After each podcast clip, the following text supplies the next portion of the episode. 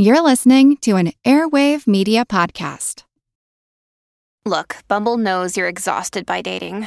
All the must not take yourself too seriously and 6 1 since that matters. And what do I even say other than hey? well, that's why they're introducing an all new Bumble with exciting features to make compatibility easier, starting the chat better, and dating safer. They've changed, so you don't have to. Download the new Bumble now. When you need mealtime inspiration, it's worth shopping Kroger, where you'll find over 30,000 mouthwatering choices that excite your inner foodie. And no matter what tasty choice you make, you'll enjoy our everyday low prices, plus extra ways to save, like digital coupons worth over $600 each week. You can also save up to $1 off per gallon at the pump with fuel points. More savings and more inspiring flavors make shopping Kroger worth it every time. Kroger, fresh for everyone. Fuel restrictions apply. This is Kick Ass News. I'm Ben Mathis.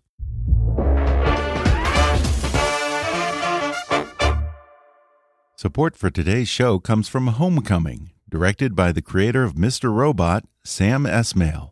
Starring Julia Roberts, Homecoming follows Heidi Bergman, a caseworker who helps soldiers transition back to civilian life at the Homecoming Transitional Support Center. Four years later, Heidi has started a new life, but questions about why she left the homecoming facility force her to re examine her motives and her past. Based on the critically acclaimed podcast by Eli Horowitz and Micah Bloomberg, don't miss the mind bending psychological thriller, Homecoming. Available now only on Amazon Prime Video. And now, enjoy the podcast. Hi. I'm Ben Mathis. Welcome to Kick Ass News.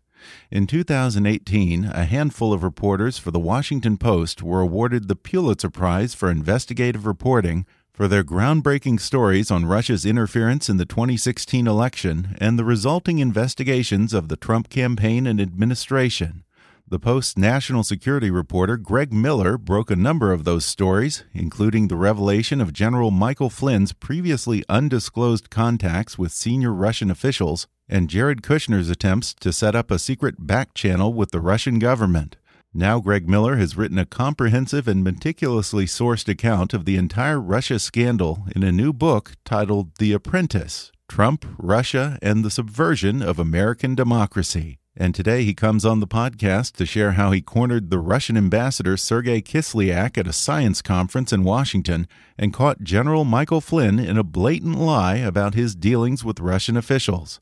He describes the almost comical level of incompetence surrounding the 2016 DNC attacks, gives an inside look at the secretive Russian hacking agencies known as Cozy Bear and Fancy Bear, and the infamous troll farm behind Russia's social media influence campaign. He defends the Post's long-standing practice of using anonymous sources and explains just how they go about verifying those stories. Greg reveals efforts by the White House to derail the Washington Post's reporting on Trump's Russia connections and how he learned that President Trump discussed targeting him personally and even putting him in jail for refusing to reveal his sources. Plus, he discusses what happened to that Trump Mueller meeting that never was, and we speculate on just what it is that Vladimir Putin might have on Donald Trump. Coming up with Washington Post reporter Greg Miller in just a moment.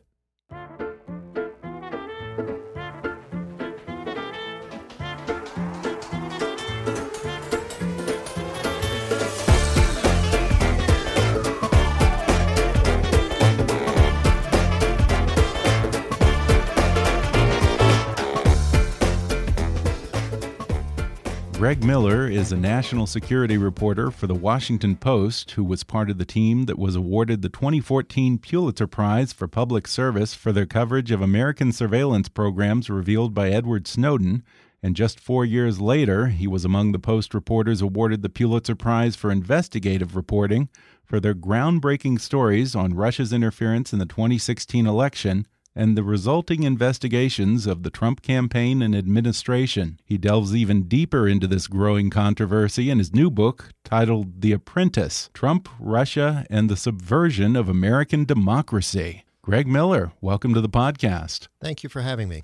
Well, Greg, first off, just to establish your credentials on the subject of Trump, Russia, and the 2016 election, Briefly remind us of some of the stories that you and your team at the Washington Post broke on this subject.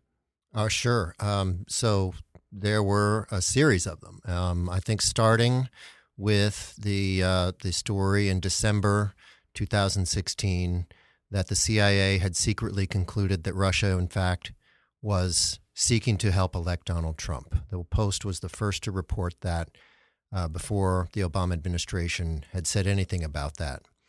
Um, and then fast forward a couple months when um, we broke the story that Trump's national security advisor had lied about his conversations after the election, before the inauguration, with Russia's ambassador to the United States.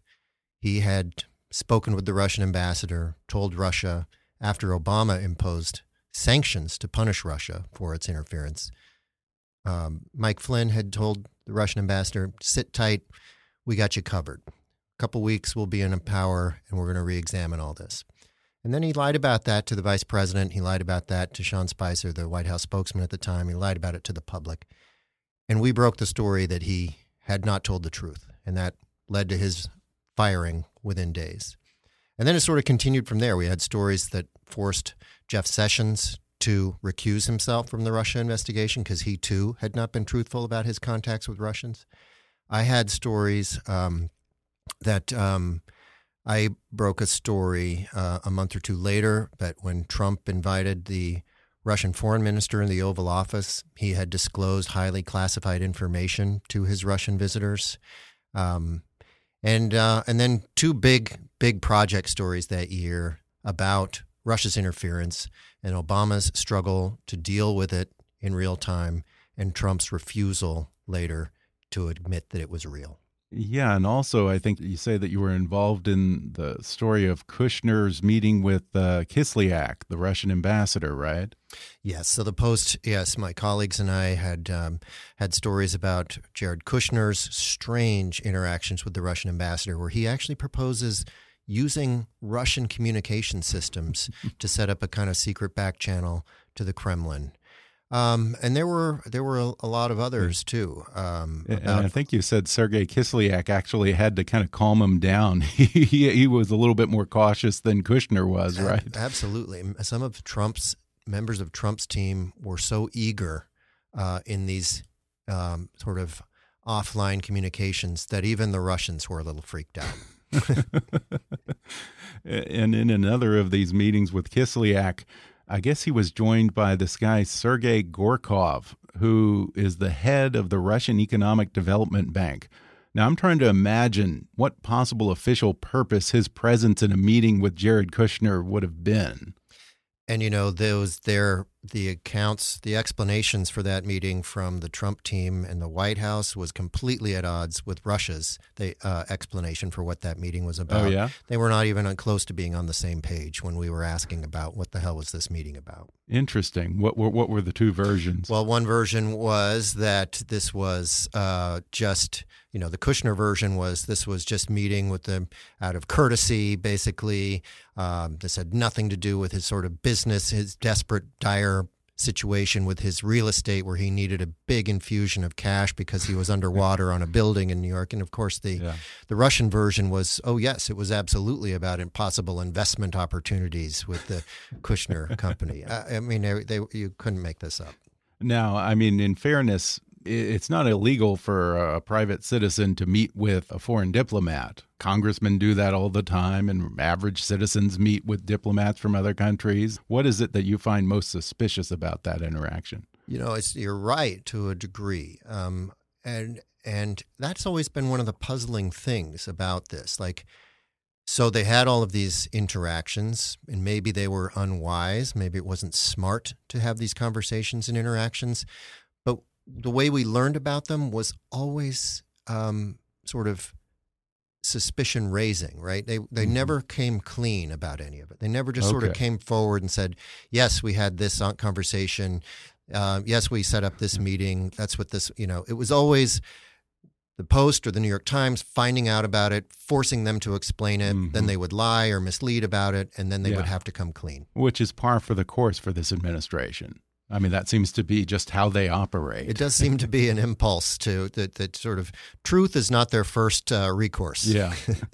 now, as part of your investigation into Michael Flynn's ties to Russia, you actually confronted Kislyak at, I think it was a science conference. What is he like?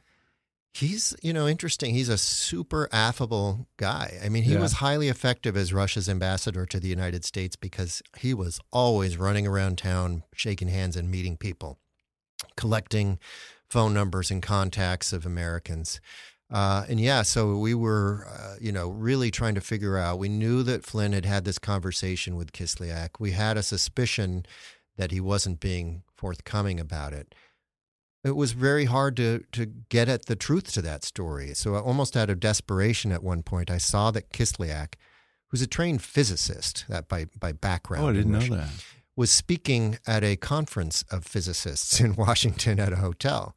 So I showed up. I made my way to the front row and watched him speak, and was basically thinking that maybe I'll be able to chase him afterward through the exits and see if I can get him to say anything. And I was stunned that he finished speaking, came back down, and completely by accident sat down right next to me. And so he was trapped because there was another speaker coming. Yeah. The spotlight was still on the stage. He can't get up and leave. So I kind of had him cornered for about 45 minutes. and he verified the interactions between himself and Flynn. Absolutely. You, huh? Yeah. In fact, he told me that, yes, he'd known Flynn for several years, that they had extensive conversations and texts back and forth throughout the campaign and in the interim period before uh, Trump was sworn in. And it was, you know, he didn't, he wouldn't tell me that they had discussed sanctions. Mm-hmm. So that required further reporting. But I came away from that little encounter with you know him on the record acknowledging ex- extensive interaction with Kis- with uh, Michael Flynn. Yeah, every time I see Kislyak, I think to myself, he is straight out of central casting for old school Soviet apparatchik or KGB goon. yeah, like he could be in like you know Rocky Four or something. Yeah, in, this, in exactly.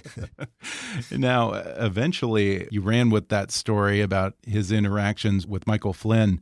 And another kind of lucky happenstance is that you had uh, one of your colleagues from Washington Post was actually meeting with Flynn, I think that day, and was able to confront him about it before you ran the story. That's right. Karen DeYoung, who's a terrific uh, reporter, one of the most veteran sort of diplomat, uh, diplomatic correspondents for the Post, had a meeting scheduled with Flynn in his office, his new office in the West Wing of the White House, just as we were finishing up that story.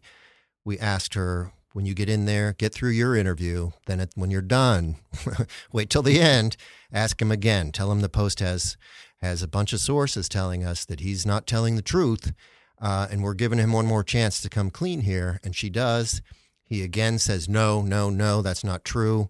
Uh, and you know the the the end to that story is so bizarre because the next day um, we held the story that night. We were a little worried that he was still clinging to this denial. We wanted to make sure everything was okay before we published. It's a big deal when you're accusing the national security advisor of lying to the public. yeah. And, um, next day, get a call from the White House.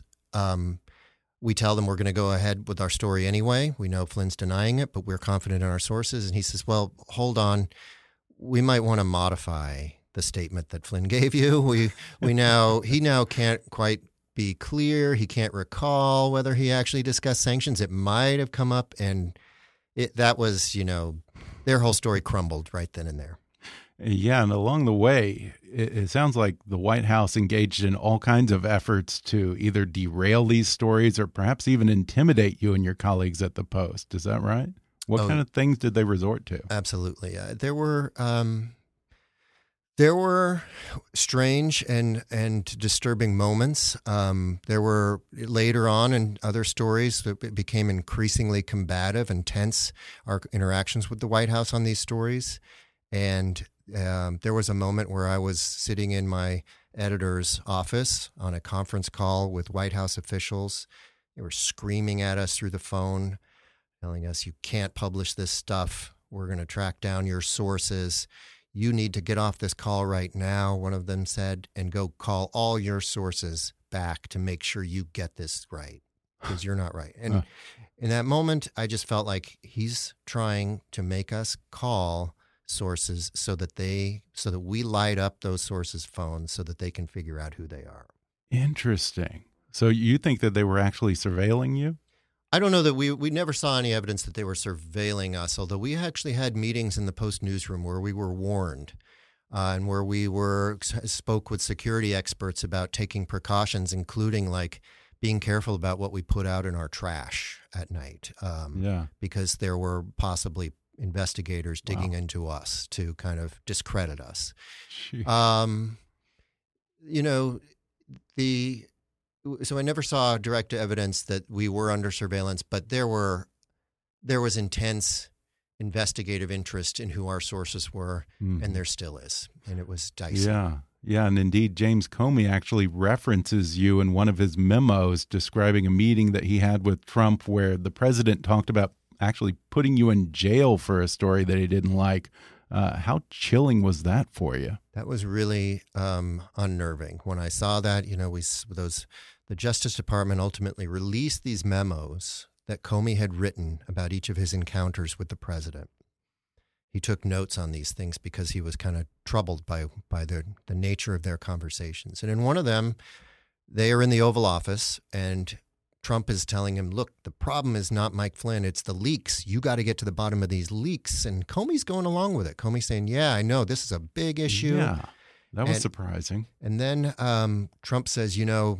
We need to go back to putting reporters in jail. We used to do that. We should get back to that. Mm. And then he's talking specifically about certain stories. And as I read that memo, he was talking about stories that I had written about his conversations with foreign leaders because I had sources right. telling me about his calls with the leaders of Mexico and Australia. Right, I remember those articles. I even ended up with transcripts of those calls and we published them.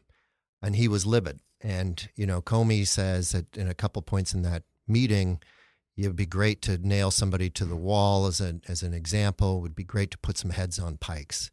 And wow. um, you know, that was really that really was frightening. Yeah. W were you upset at Comey for playing along with the president and not standing up for the free press? Or Absolutely. do you sort of understand the position he was in in that case? No, he, you know, for all of his um, for all of the way he sort of now depicts himself as somebody who was valiantly standing up to Trump, he also, when you read these memos, and if you read that my book, The Apprentice, I think, uh, where I talked to lots of people who worked with Comey, he was trying to find a way to hang on to his job. Mm-hmm. He was mm-hmm. trying to find a way to get along with Trump. They didn't agree on many things, but he didn't want to be pushed out of that job. Yeah. He was trying to find common ground. And unfortunately, putting reporters in jail seems like one of those areas where he felt there might be some common ground. Wow.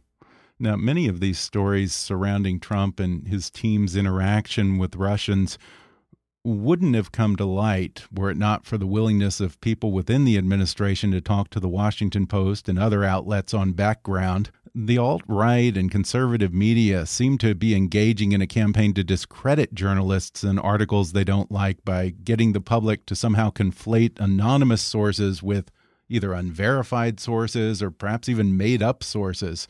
Can you clarify what an anonymous source is and how the Post actually vets these anonymous sources? Sure. Uh, I think that it's confusing for a lot of people. I'm yeah. glad you asked this question. Um, anonymous sources it might not be the best term for them because they're not anonymous to us as journalists. I mean, we know exactly who they are. We don't use their names in stories because there would be repercussions for them if they were if their identities were revealed. But we absolutely know who they are, and we never rely on sources that are anonymous to us.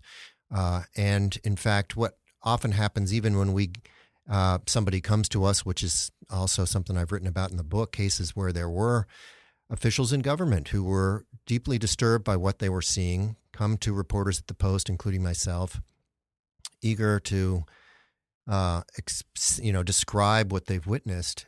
Um, you end up still uh, having to do a lot of vetting of those people. Who are they? Where are they coming from? Do they have access, access to the information they claim to have?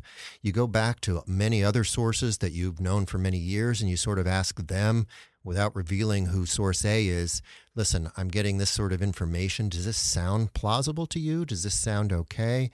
There's a, you know, I would just say that we couldn't write these stories and we wouldn't know of, uh, half as much as we do now about the Trump administration's entanglements with Russia if we couldn't rely on anonymous sources. Mm-hmm. They're critical to our functioning as a news organization, uh, and we uh, and we prize above all else accuracy and facts. So Yeah. So so these aren't just anonymous people calling you up, No, not in giving fact- their names. in fact, I'll Or- give you a quick- in a one quick- case, they were, I guess. So. Well, uh, but you uh, followed I was just going to say Yeah. that there's, there's an example of this in the book because one of my colleagues, Ellen Nakashima, terrific reporter, uh, at one point went down to the mailroom at the Post, and in her mailbox is an anonymous letter during the during the uh, tail end of the election, after the election.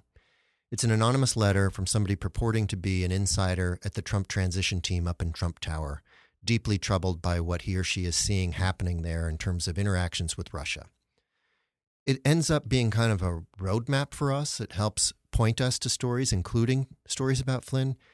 But we never relied on anything in that document because we never figured out who had written it. Even to this day, we don't know. Uh, and so that's not a source to us. We can't use those unverified, anonymous tips that come in, Mhm. except to use them as a sort of reporting guide for where we can focus our attention. Yeah, I mean, your, your Washington Post's biggest story, Watergate, probably wouldn't have happened if it weren't for an anonymous source. Deep Throat was an anonymous source. It's funny that, you know, this has been going on for decades. It's been a you know standard practice for journalists, and now suddenly it's being treated as if it's something new and suspicious. Right, right. And Trump goes after it constantly. They're fake sources, Mhm. even as he often uh, inadvertently confirms the contents of the stories, you know, in a tweet or something. We're going to take a quick break, and then I'll be back with more with the Washington Post's Greg Miller when we come back in just a minute.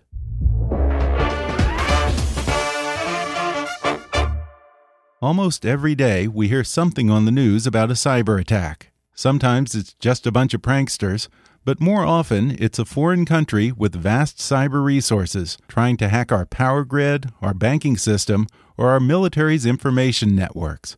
The National Security Agency plays a big part in protecting our country from cyber attacks, and you can help. The NSA is hiring technical professionals to serve on the front lines of information security. If you work in computer science, networking, programming, or electrical engineering, you can help keep your country safe. Design new hardware systems and networks, write faster, smarter programs, protect America's critical infrastructure, or help uncover what our adversaries are planning to do next. Learn more about careers at the National Security Agency today. Visit intelligencecareers.gov/nsa. That's intelligencecareers.gov/nsa. In a world filled with fake news, flat earthers, and conspiracy theorists, what's a thinking person like you supposed to do? On the current episode of Star Talk All Stars, neuroscientist and host Heather Berlin, PhD, and her comic co host Ari Shaffir investigate the importance of skepticism and the power of evidence based thinking. To help us separate fact from fiction, Heather and Ari are joined in studio by guests Cara Santa Maria and Dr. Steven Novella, two of the hosts of the popular weekly science podcast, The Skeptic's Guide to the Universe. If you're worried about the growing tide of anti intellectualism and the devaluation of experts and facts, which we're seeing all around us, tune in for a show filled with science and skepticism. Remember, trust no one, question authority, and listen to Star Talk All Stars to get the rigorous scientific thinking you're desperate to hear. That's Star Talk All Stars. Listen now wherever you get podcasts and make sure to subscribe. In the next 60 seconds, you're going to learn how the Flatiron School can change your life. The Flatiron School will teach you everything you need to get a job in code, data science, or design. But they'll also prepare you for the jobs that don't even exist yet. Because this is a school designed to educate you in the art of change. So if you're feeling stuck, bored, or unfulfilled, Flatiron will teach you how to change things. You'll learn by making things, breaking things, and discovering how the future is being built. The results speak for themselves. Go to flatironschool.com slash podcasts to read about graduates' new careers and salary ranges and explore upcoming courses as well as exciting new careers. You can start building your own new career in coding, data science, or digital design at one of Flatiron School's WeWork campuses or take courses online. Go to flatironschool.com slash podcast and read about graduates' new careers, salary ranges, upcoming courses, and explore these exciting new careers. Enrollment is now open. It's time to future proof your career and change things, starting with you.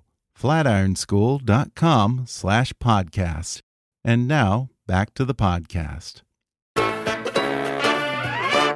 Now, one of these situations where Trump kind of went off the rails was that infamous tweet about Obama supposedly wiretapping him. Uh, you guys investigated that, and you actually reveal how the White House apparently went into overtime trying to prove these wild assertions by the president. It, it sounds like they were trying to reverse engineer this to somehow come up with something, anything that would back up his conspiracy That's theory. a good way to put it, actually, right? I mean, he makes this crazy allegation. There's no evidence for it let's back it out let's sort of figure out how what can we come how can we come closest to, making it seem like there's something plausible there Yeah. uh, and yeah so you know we wrote about that at the time but for the book i really went back and interviewed additional sources and that ends up being one of the more kind of painstaking reconstructions in the book Mhm. this blow by blow account of how they took classified material inside the White House, combed through it um, for stuff that they thought they could use against the Obama administration. Then enlist Devin Nunes, this House Republican from California who's a close Trump ally in Congress. Bring him over to the White House, bring him into this secret room and show him this stuff. And then have him kind of trot it out as if he's discovered it, you know, on his own through some amazing bit of detective work.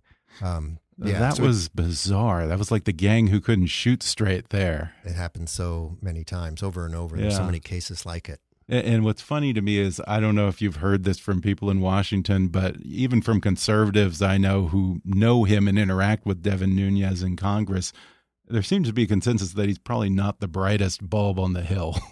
no, uh, no. In fact, I have this line in the book where the former chairman of the House Intelligence Committee, Mike Rogers, who was a serious guy, was a Right. was a former FBI Sure. agent, yeah.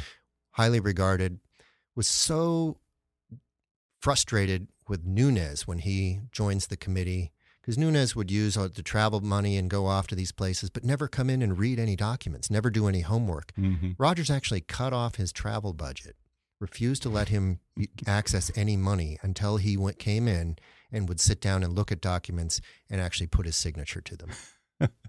This whole Obama wiretapping hoax, that was probably the first attack in uh, this ongoing assault on the intelligence community by Trump.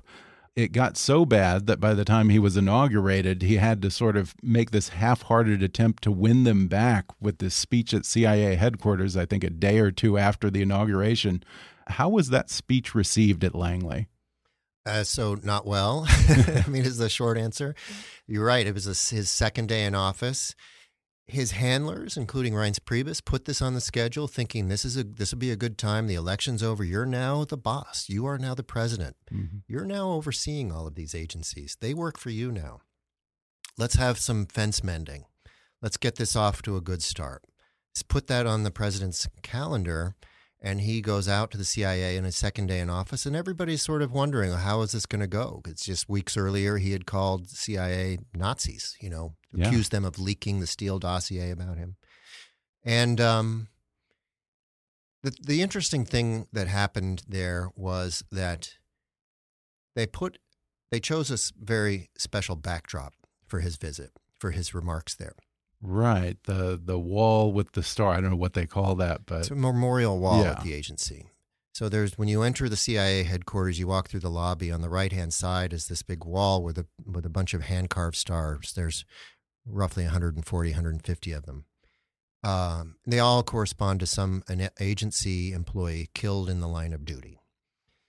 And so this is a pretty sacred spot in that in that building and on Yeah, that campus, right? I think so. These are these are friends, colleagues who are now gone. Uh, and so they put the stage there. It is an impressive and dramatic backdrop, and other presidents have used it, but no president has ever used it the way Trump did. Mhm. He gets up, gives this self-aggrandizing speech.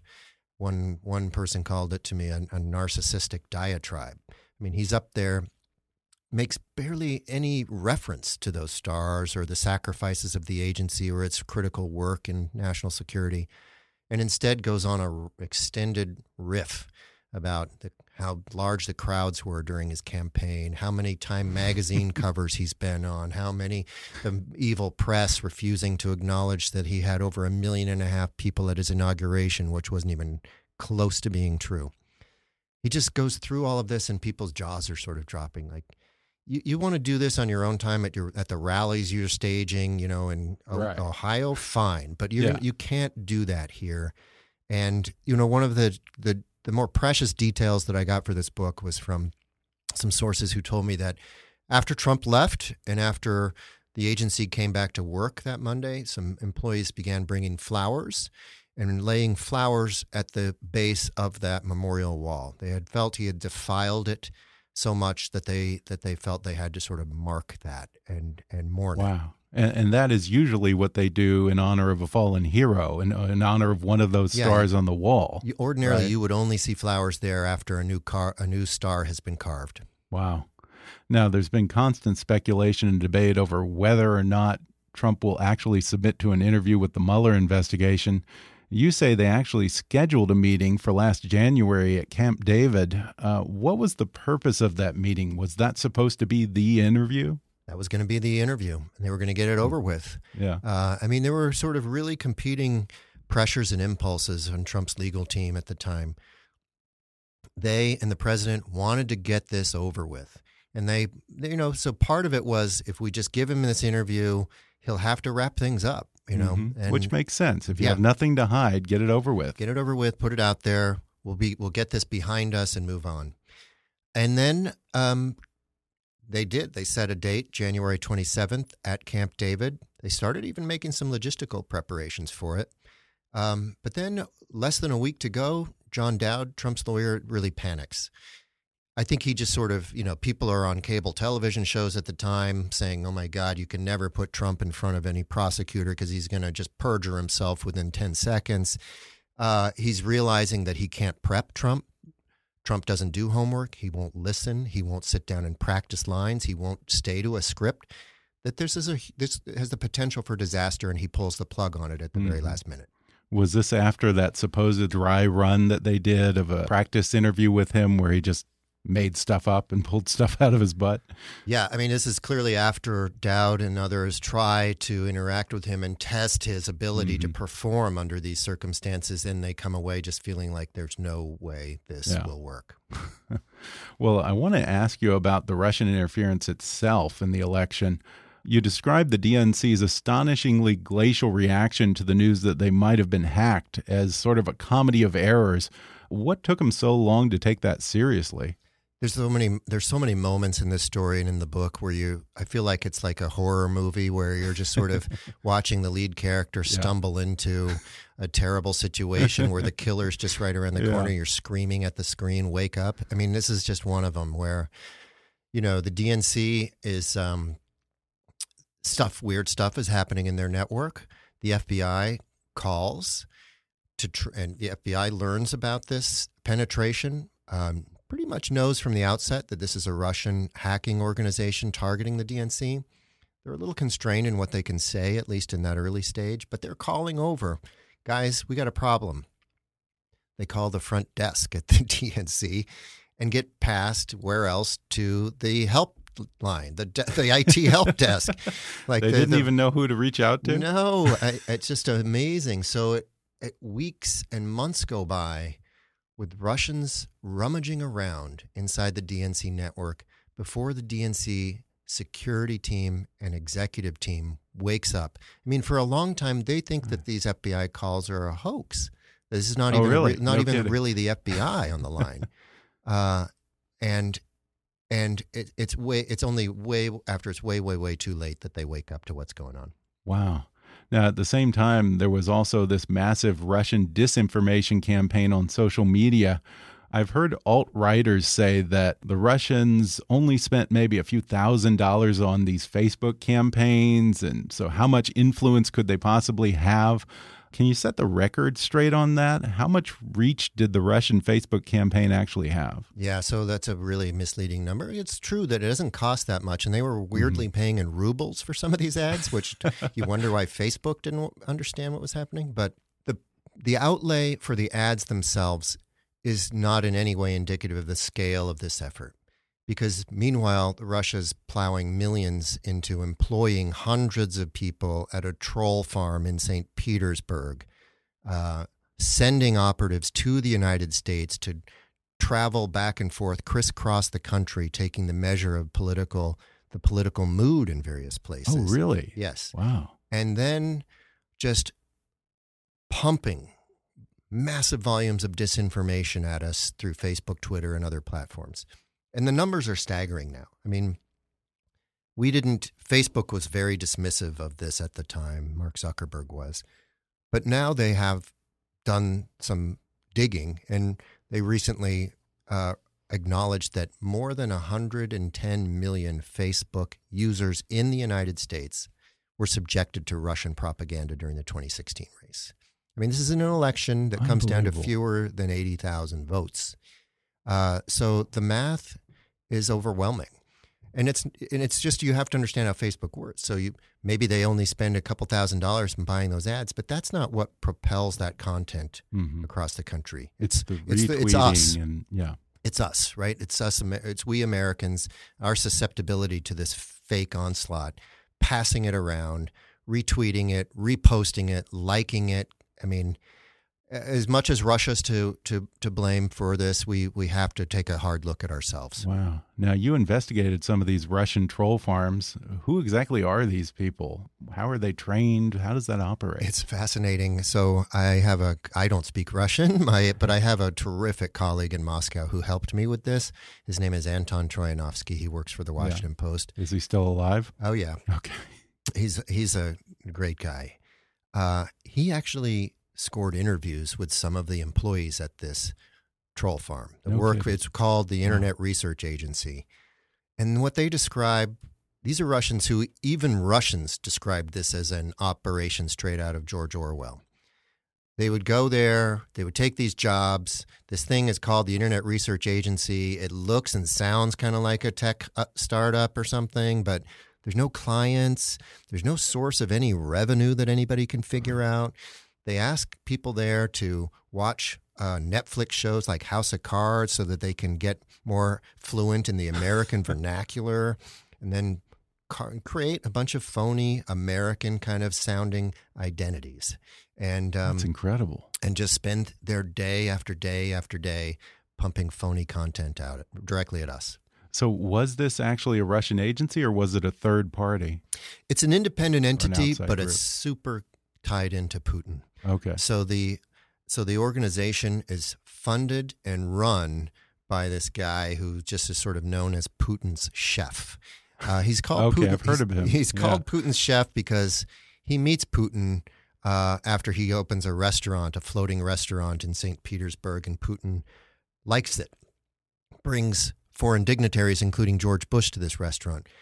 It forms this attachment to this entrepreneur, and then proceeds to make him a Russian oligarch by giving all kinds of massive uh, Russian contracts for him. But this is the price of that. This is how Russia works, right? This is the price of that kind of patronage. Yeah. You're now now I need something from you. Set this thing up over in St. Petersburg and let's see what we can do against the Americans. Now, tell us a little about I guess these two agencies that are nicknamed Cozy Bear and Fancy Bear. What are they and do they do they work in concert or did they have different tasks? They're they are are hacking entities uh, that are within Russian intelligence agencies. Mm-hmm. Um, one of them is the GRU, which is the Russian military service, and the other is the FSB, which is its foreign intelligence gathering entity.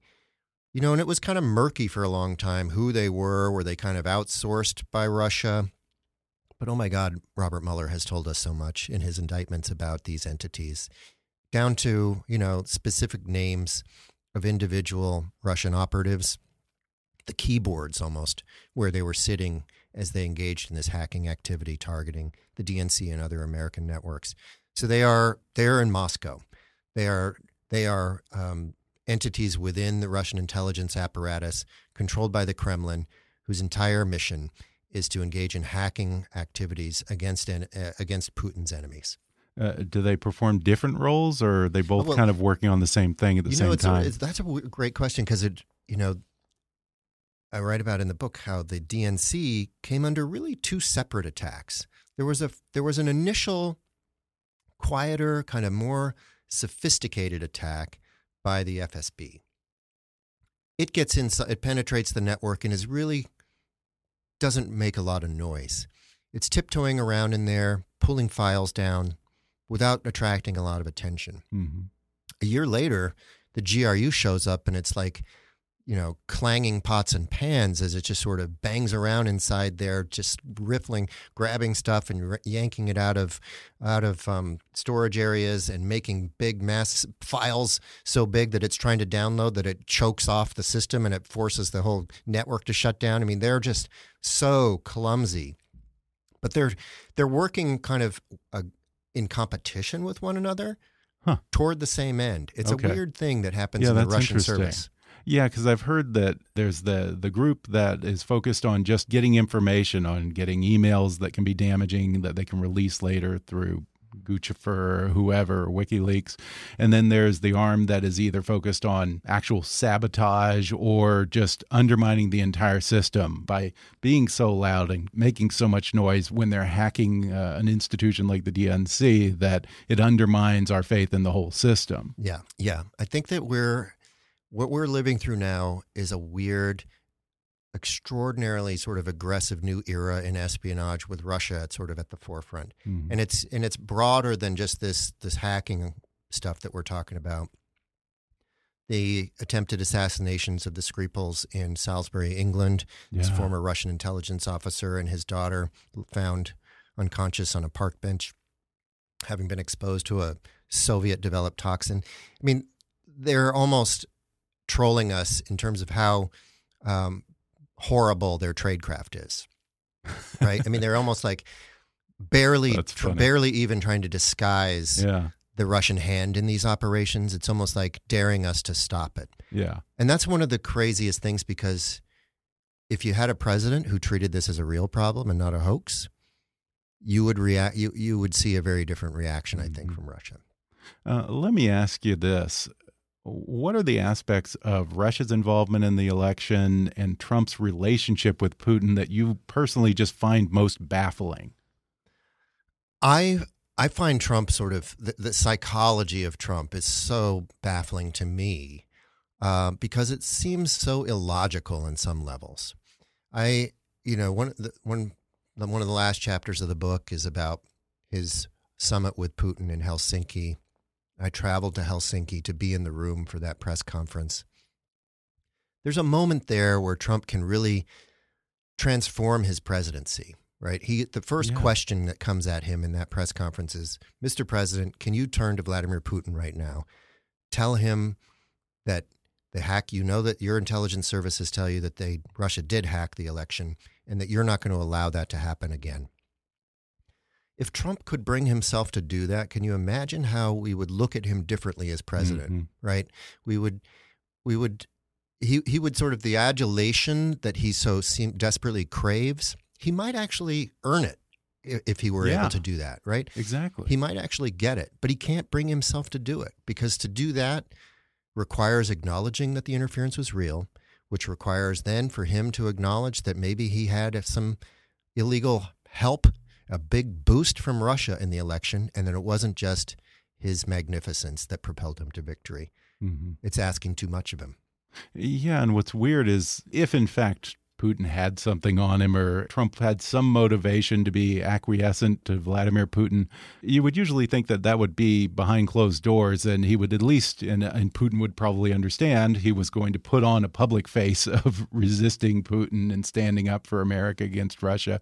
But he doesn't. Even in public, he just seems to fold like a cheap suit. That's correct. So if Putin were controlling Trump, he would probably tell him President Trump, you're going to have to act really tough toward Yeah. us, and then behind the scenes, cut us some deals, right? Yeah. Act like you are, are are coming after us in public. You can say all you want about me in press conferences and say what a terrible person I am. Yeah. Behind the scenes, can you lift some of these sanctions? And Trump might actually have the sort of political room to do some of that if he could talk tough, if he, if he could even sort of pretend to be tough toward Putin. So then, does that undermine the Trump Russia suspicions?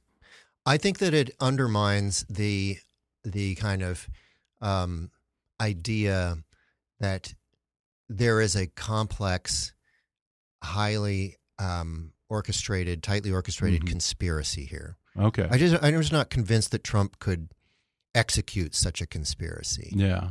But but that's not to say that I think that the collusion claims are ridiculous. Yeah. Because I think that they're very real. And I think that there was so much collusion out in the open and behind the scenes, leading to things like we talked about at the beginning of this podcast the effort by Mike Flynn to make good on some of these requests that Russia had. Get Mhm. rid of these sanctions for us.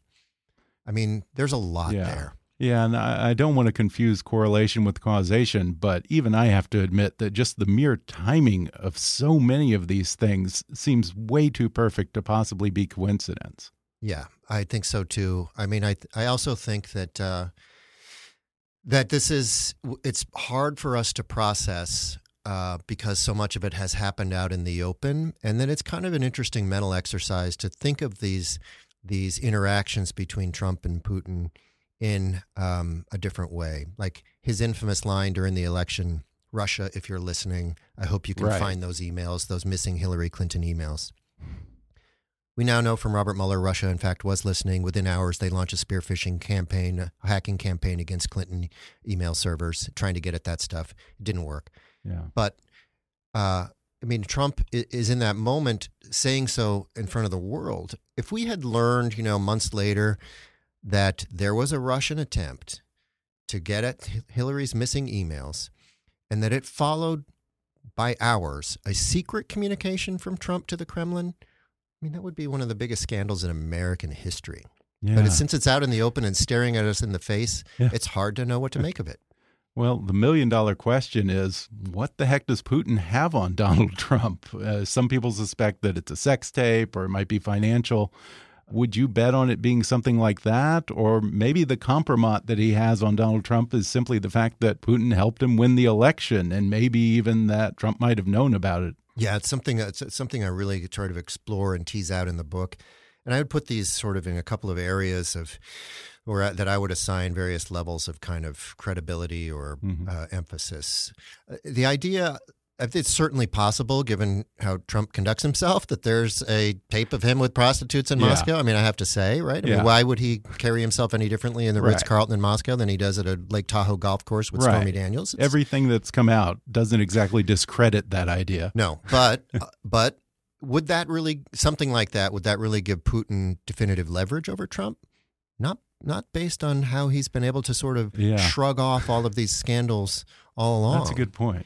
Um, I I think that the idea that there are hidden financial entanglements is a much more compelling one. Mhm. Uh, I think we could learn a lot about that from Robert Mueller. You, we've seen him tear Paul Manafort and Rick Gates limb from limb by going through their financials.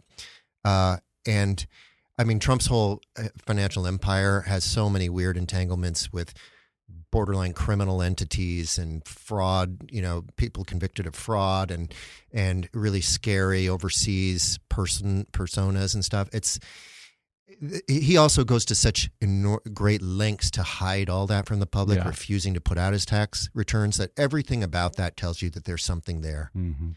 Um, and but I also think that there's also a fairly simple explanation again, staring us in, right in the face, which is that Trump just personally, in his DNA, um, he admires people like Putin. Um, That he thinks that that's that's weirdly to him an example of a strong leader. Um, he tries to emulate Putin. I, I actually think that if you gave Trump the choice right now, uh, enough power to make a decision on whether he could kind of replicate Putin's arrangement here for himself, you know, meaning he wouldn't have to worry about a Mueller investigation or an antagonistic Justice Department or an antagonistic press corps or or a recalcitrant con- Republicans in Congress. He would take that in a second. Yeah. You know.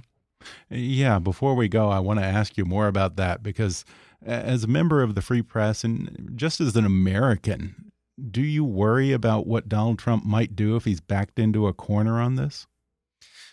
I worry about a lot of things. I mean, I worry that the signal that Trump sends over and over again about the just you know just the assault, the daily attack on the very principles of that guide what I try to do and what so many professional journalists in this country try to do are our devotion to truth and fact and fairness. I mean, and, and he just sort of attacks that endlessly and devalues it and, and degrades it.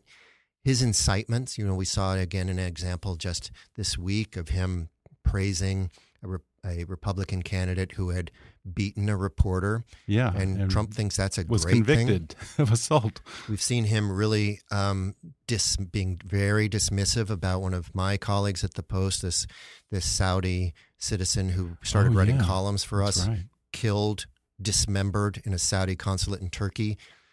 Trump treats Ah. that like it's just not his problem, not our Yeah. issue. Nothing, nothing should, no reason to disrupt our relationships with Yeah. Saudis. All of those things are deeply disturbing to me. Well, again, Greg Miller's book is called The Apprentice Trump, Russia, and the Subversion of American Democracy. Greg, thanks so much for talking with me. My pleasure. Thank you.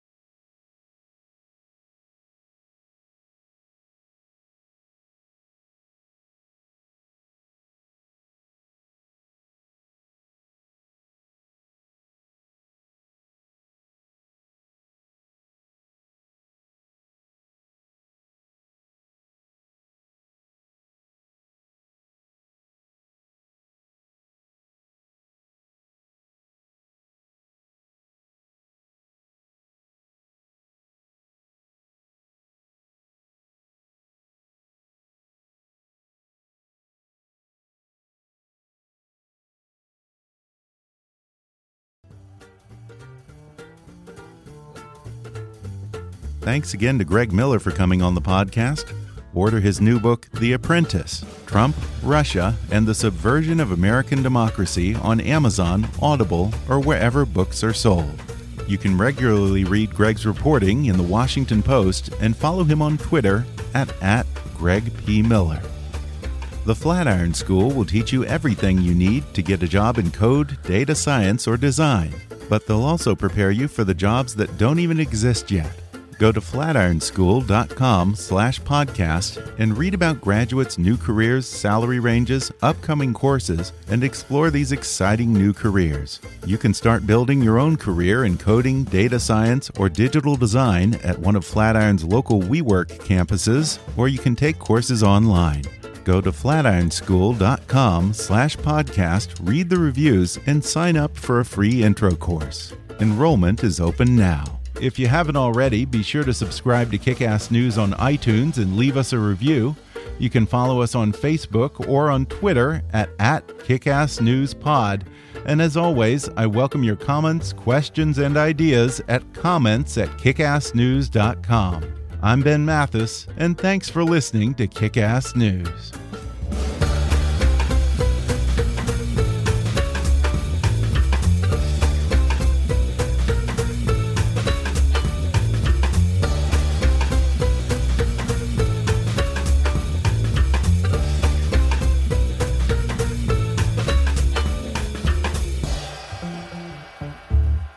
Kickass News is a trademark of Mathis Entertainment, Inc.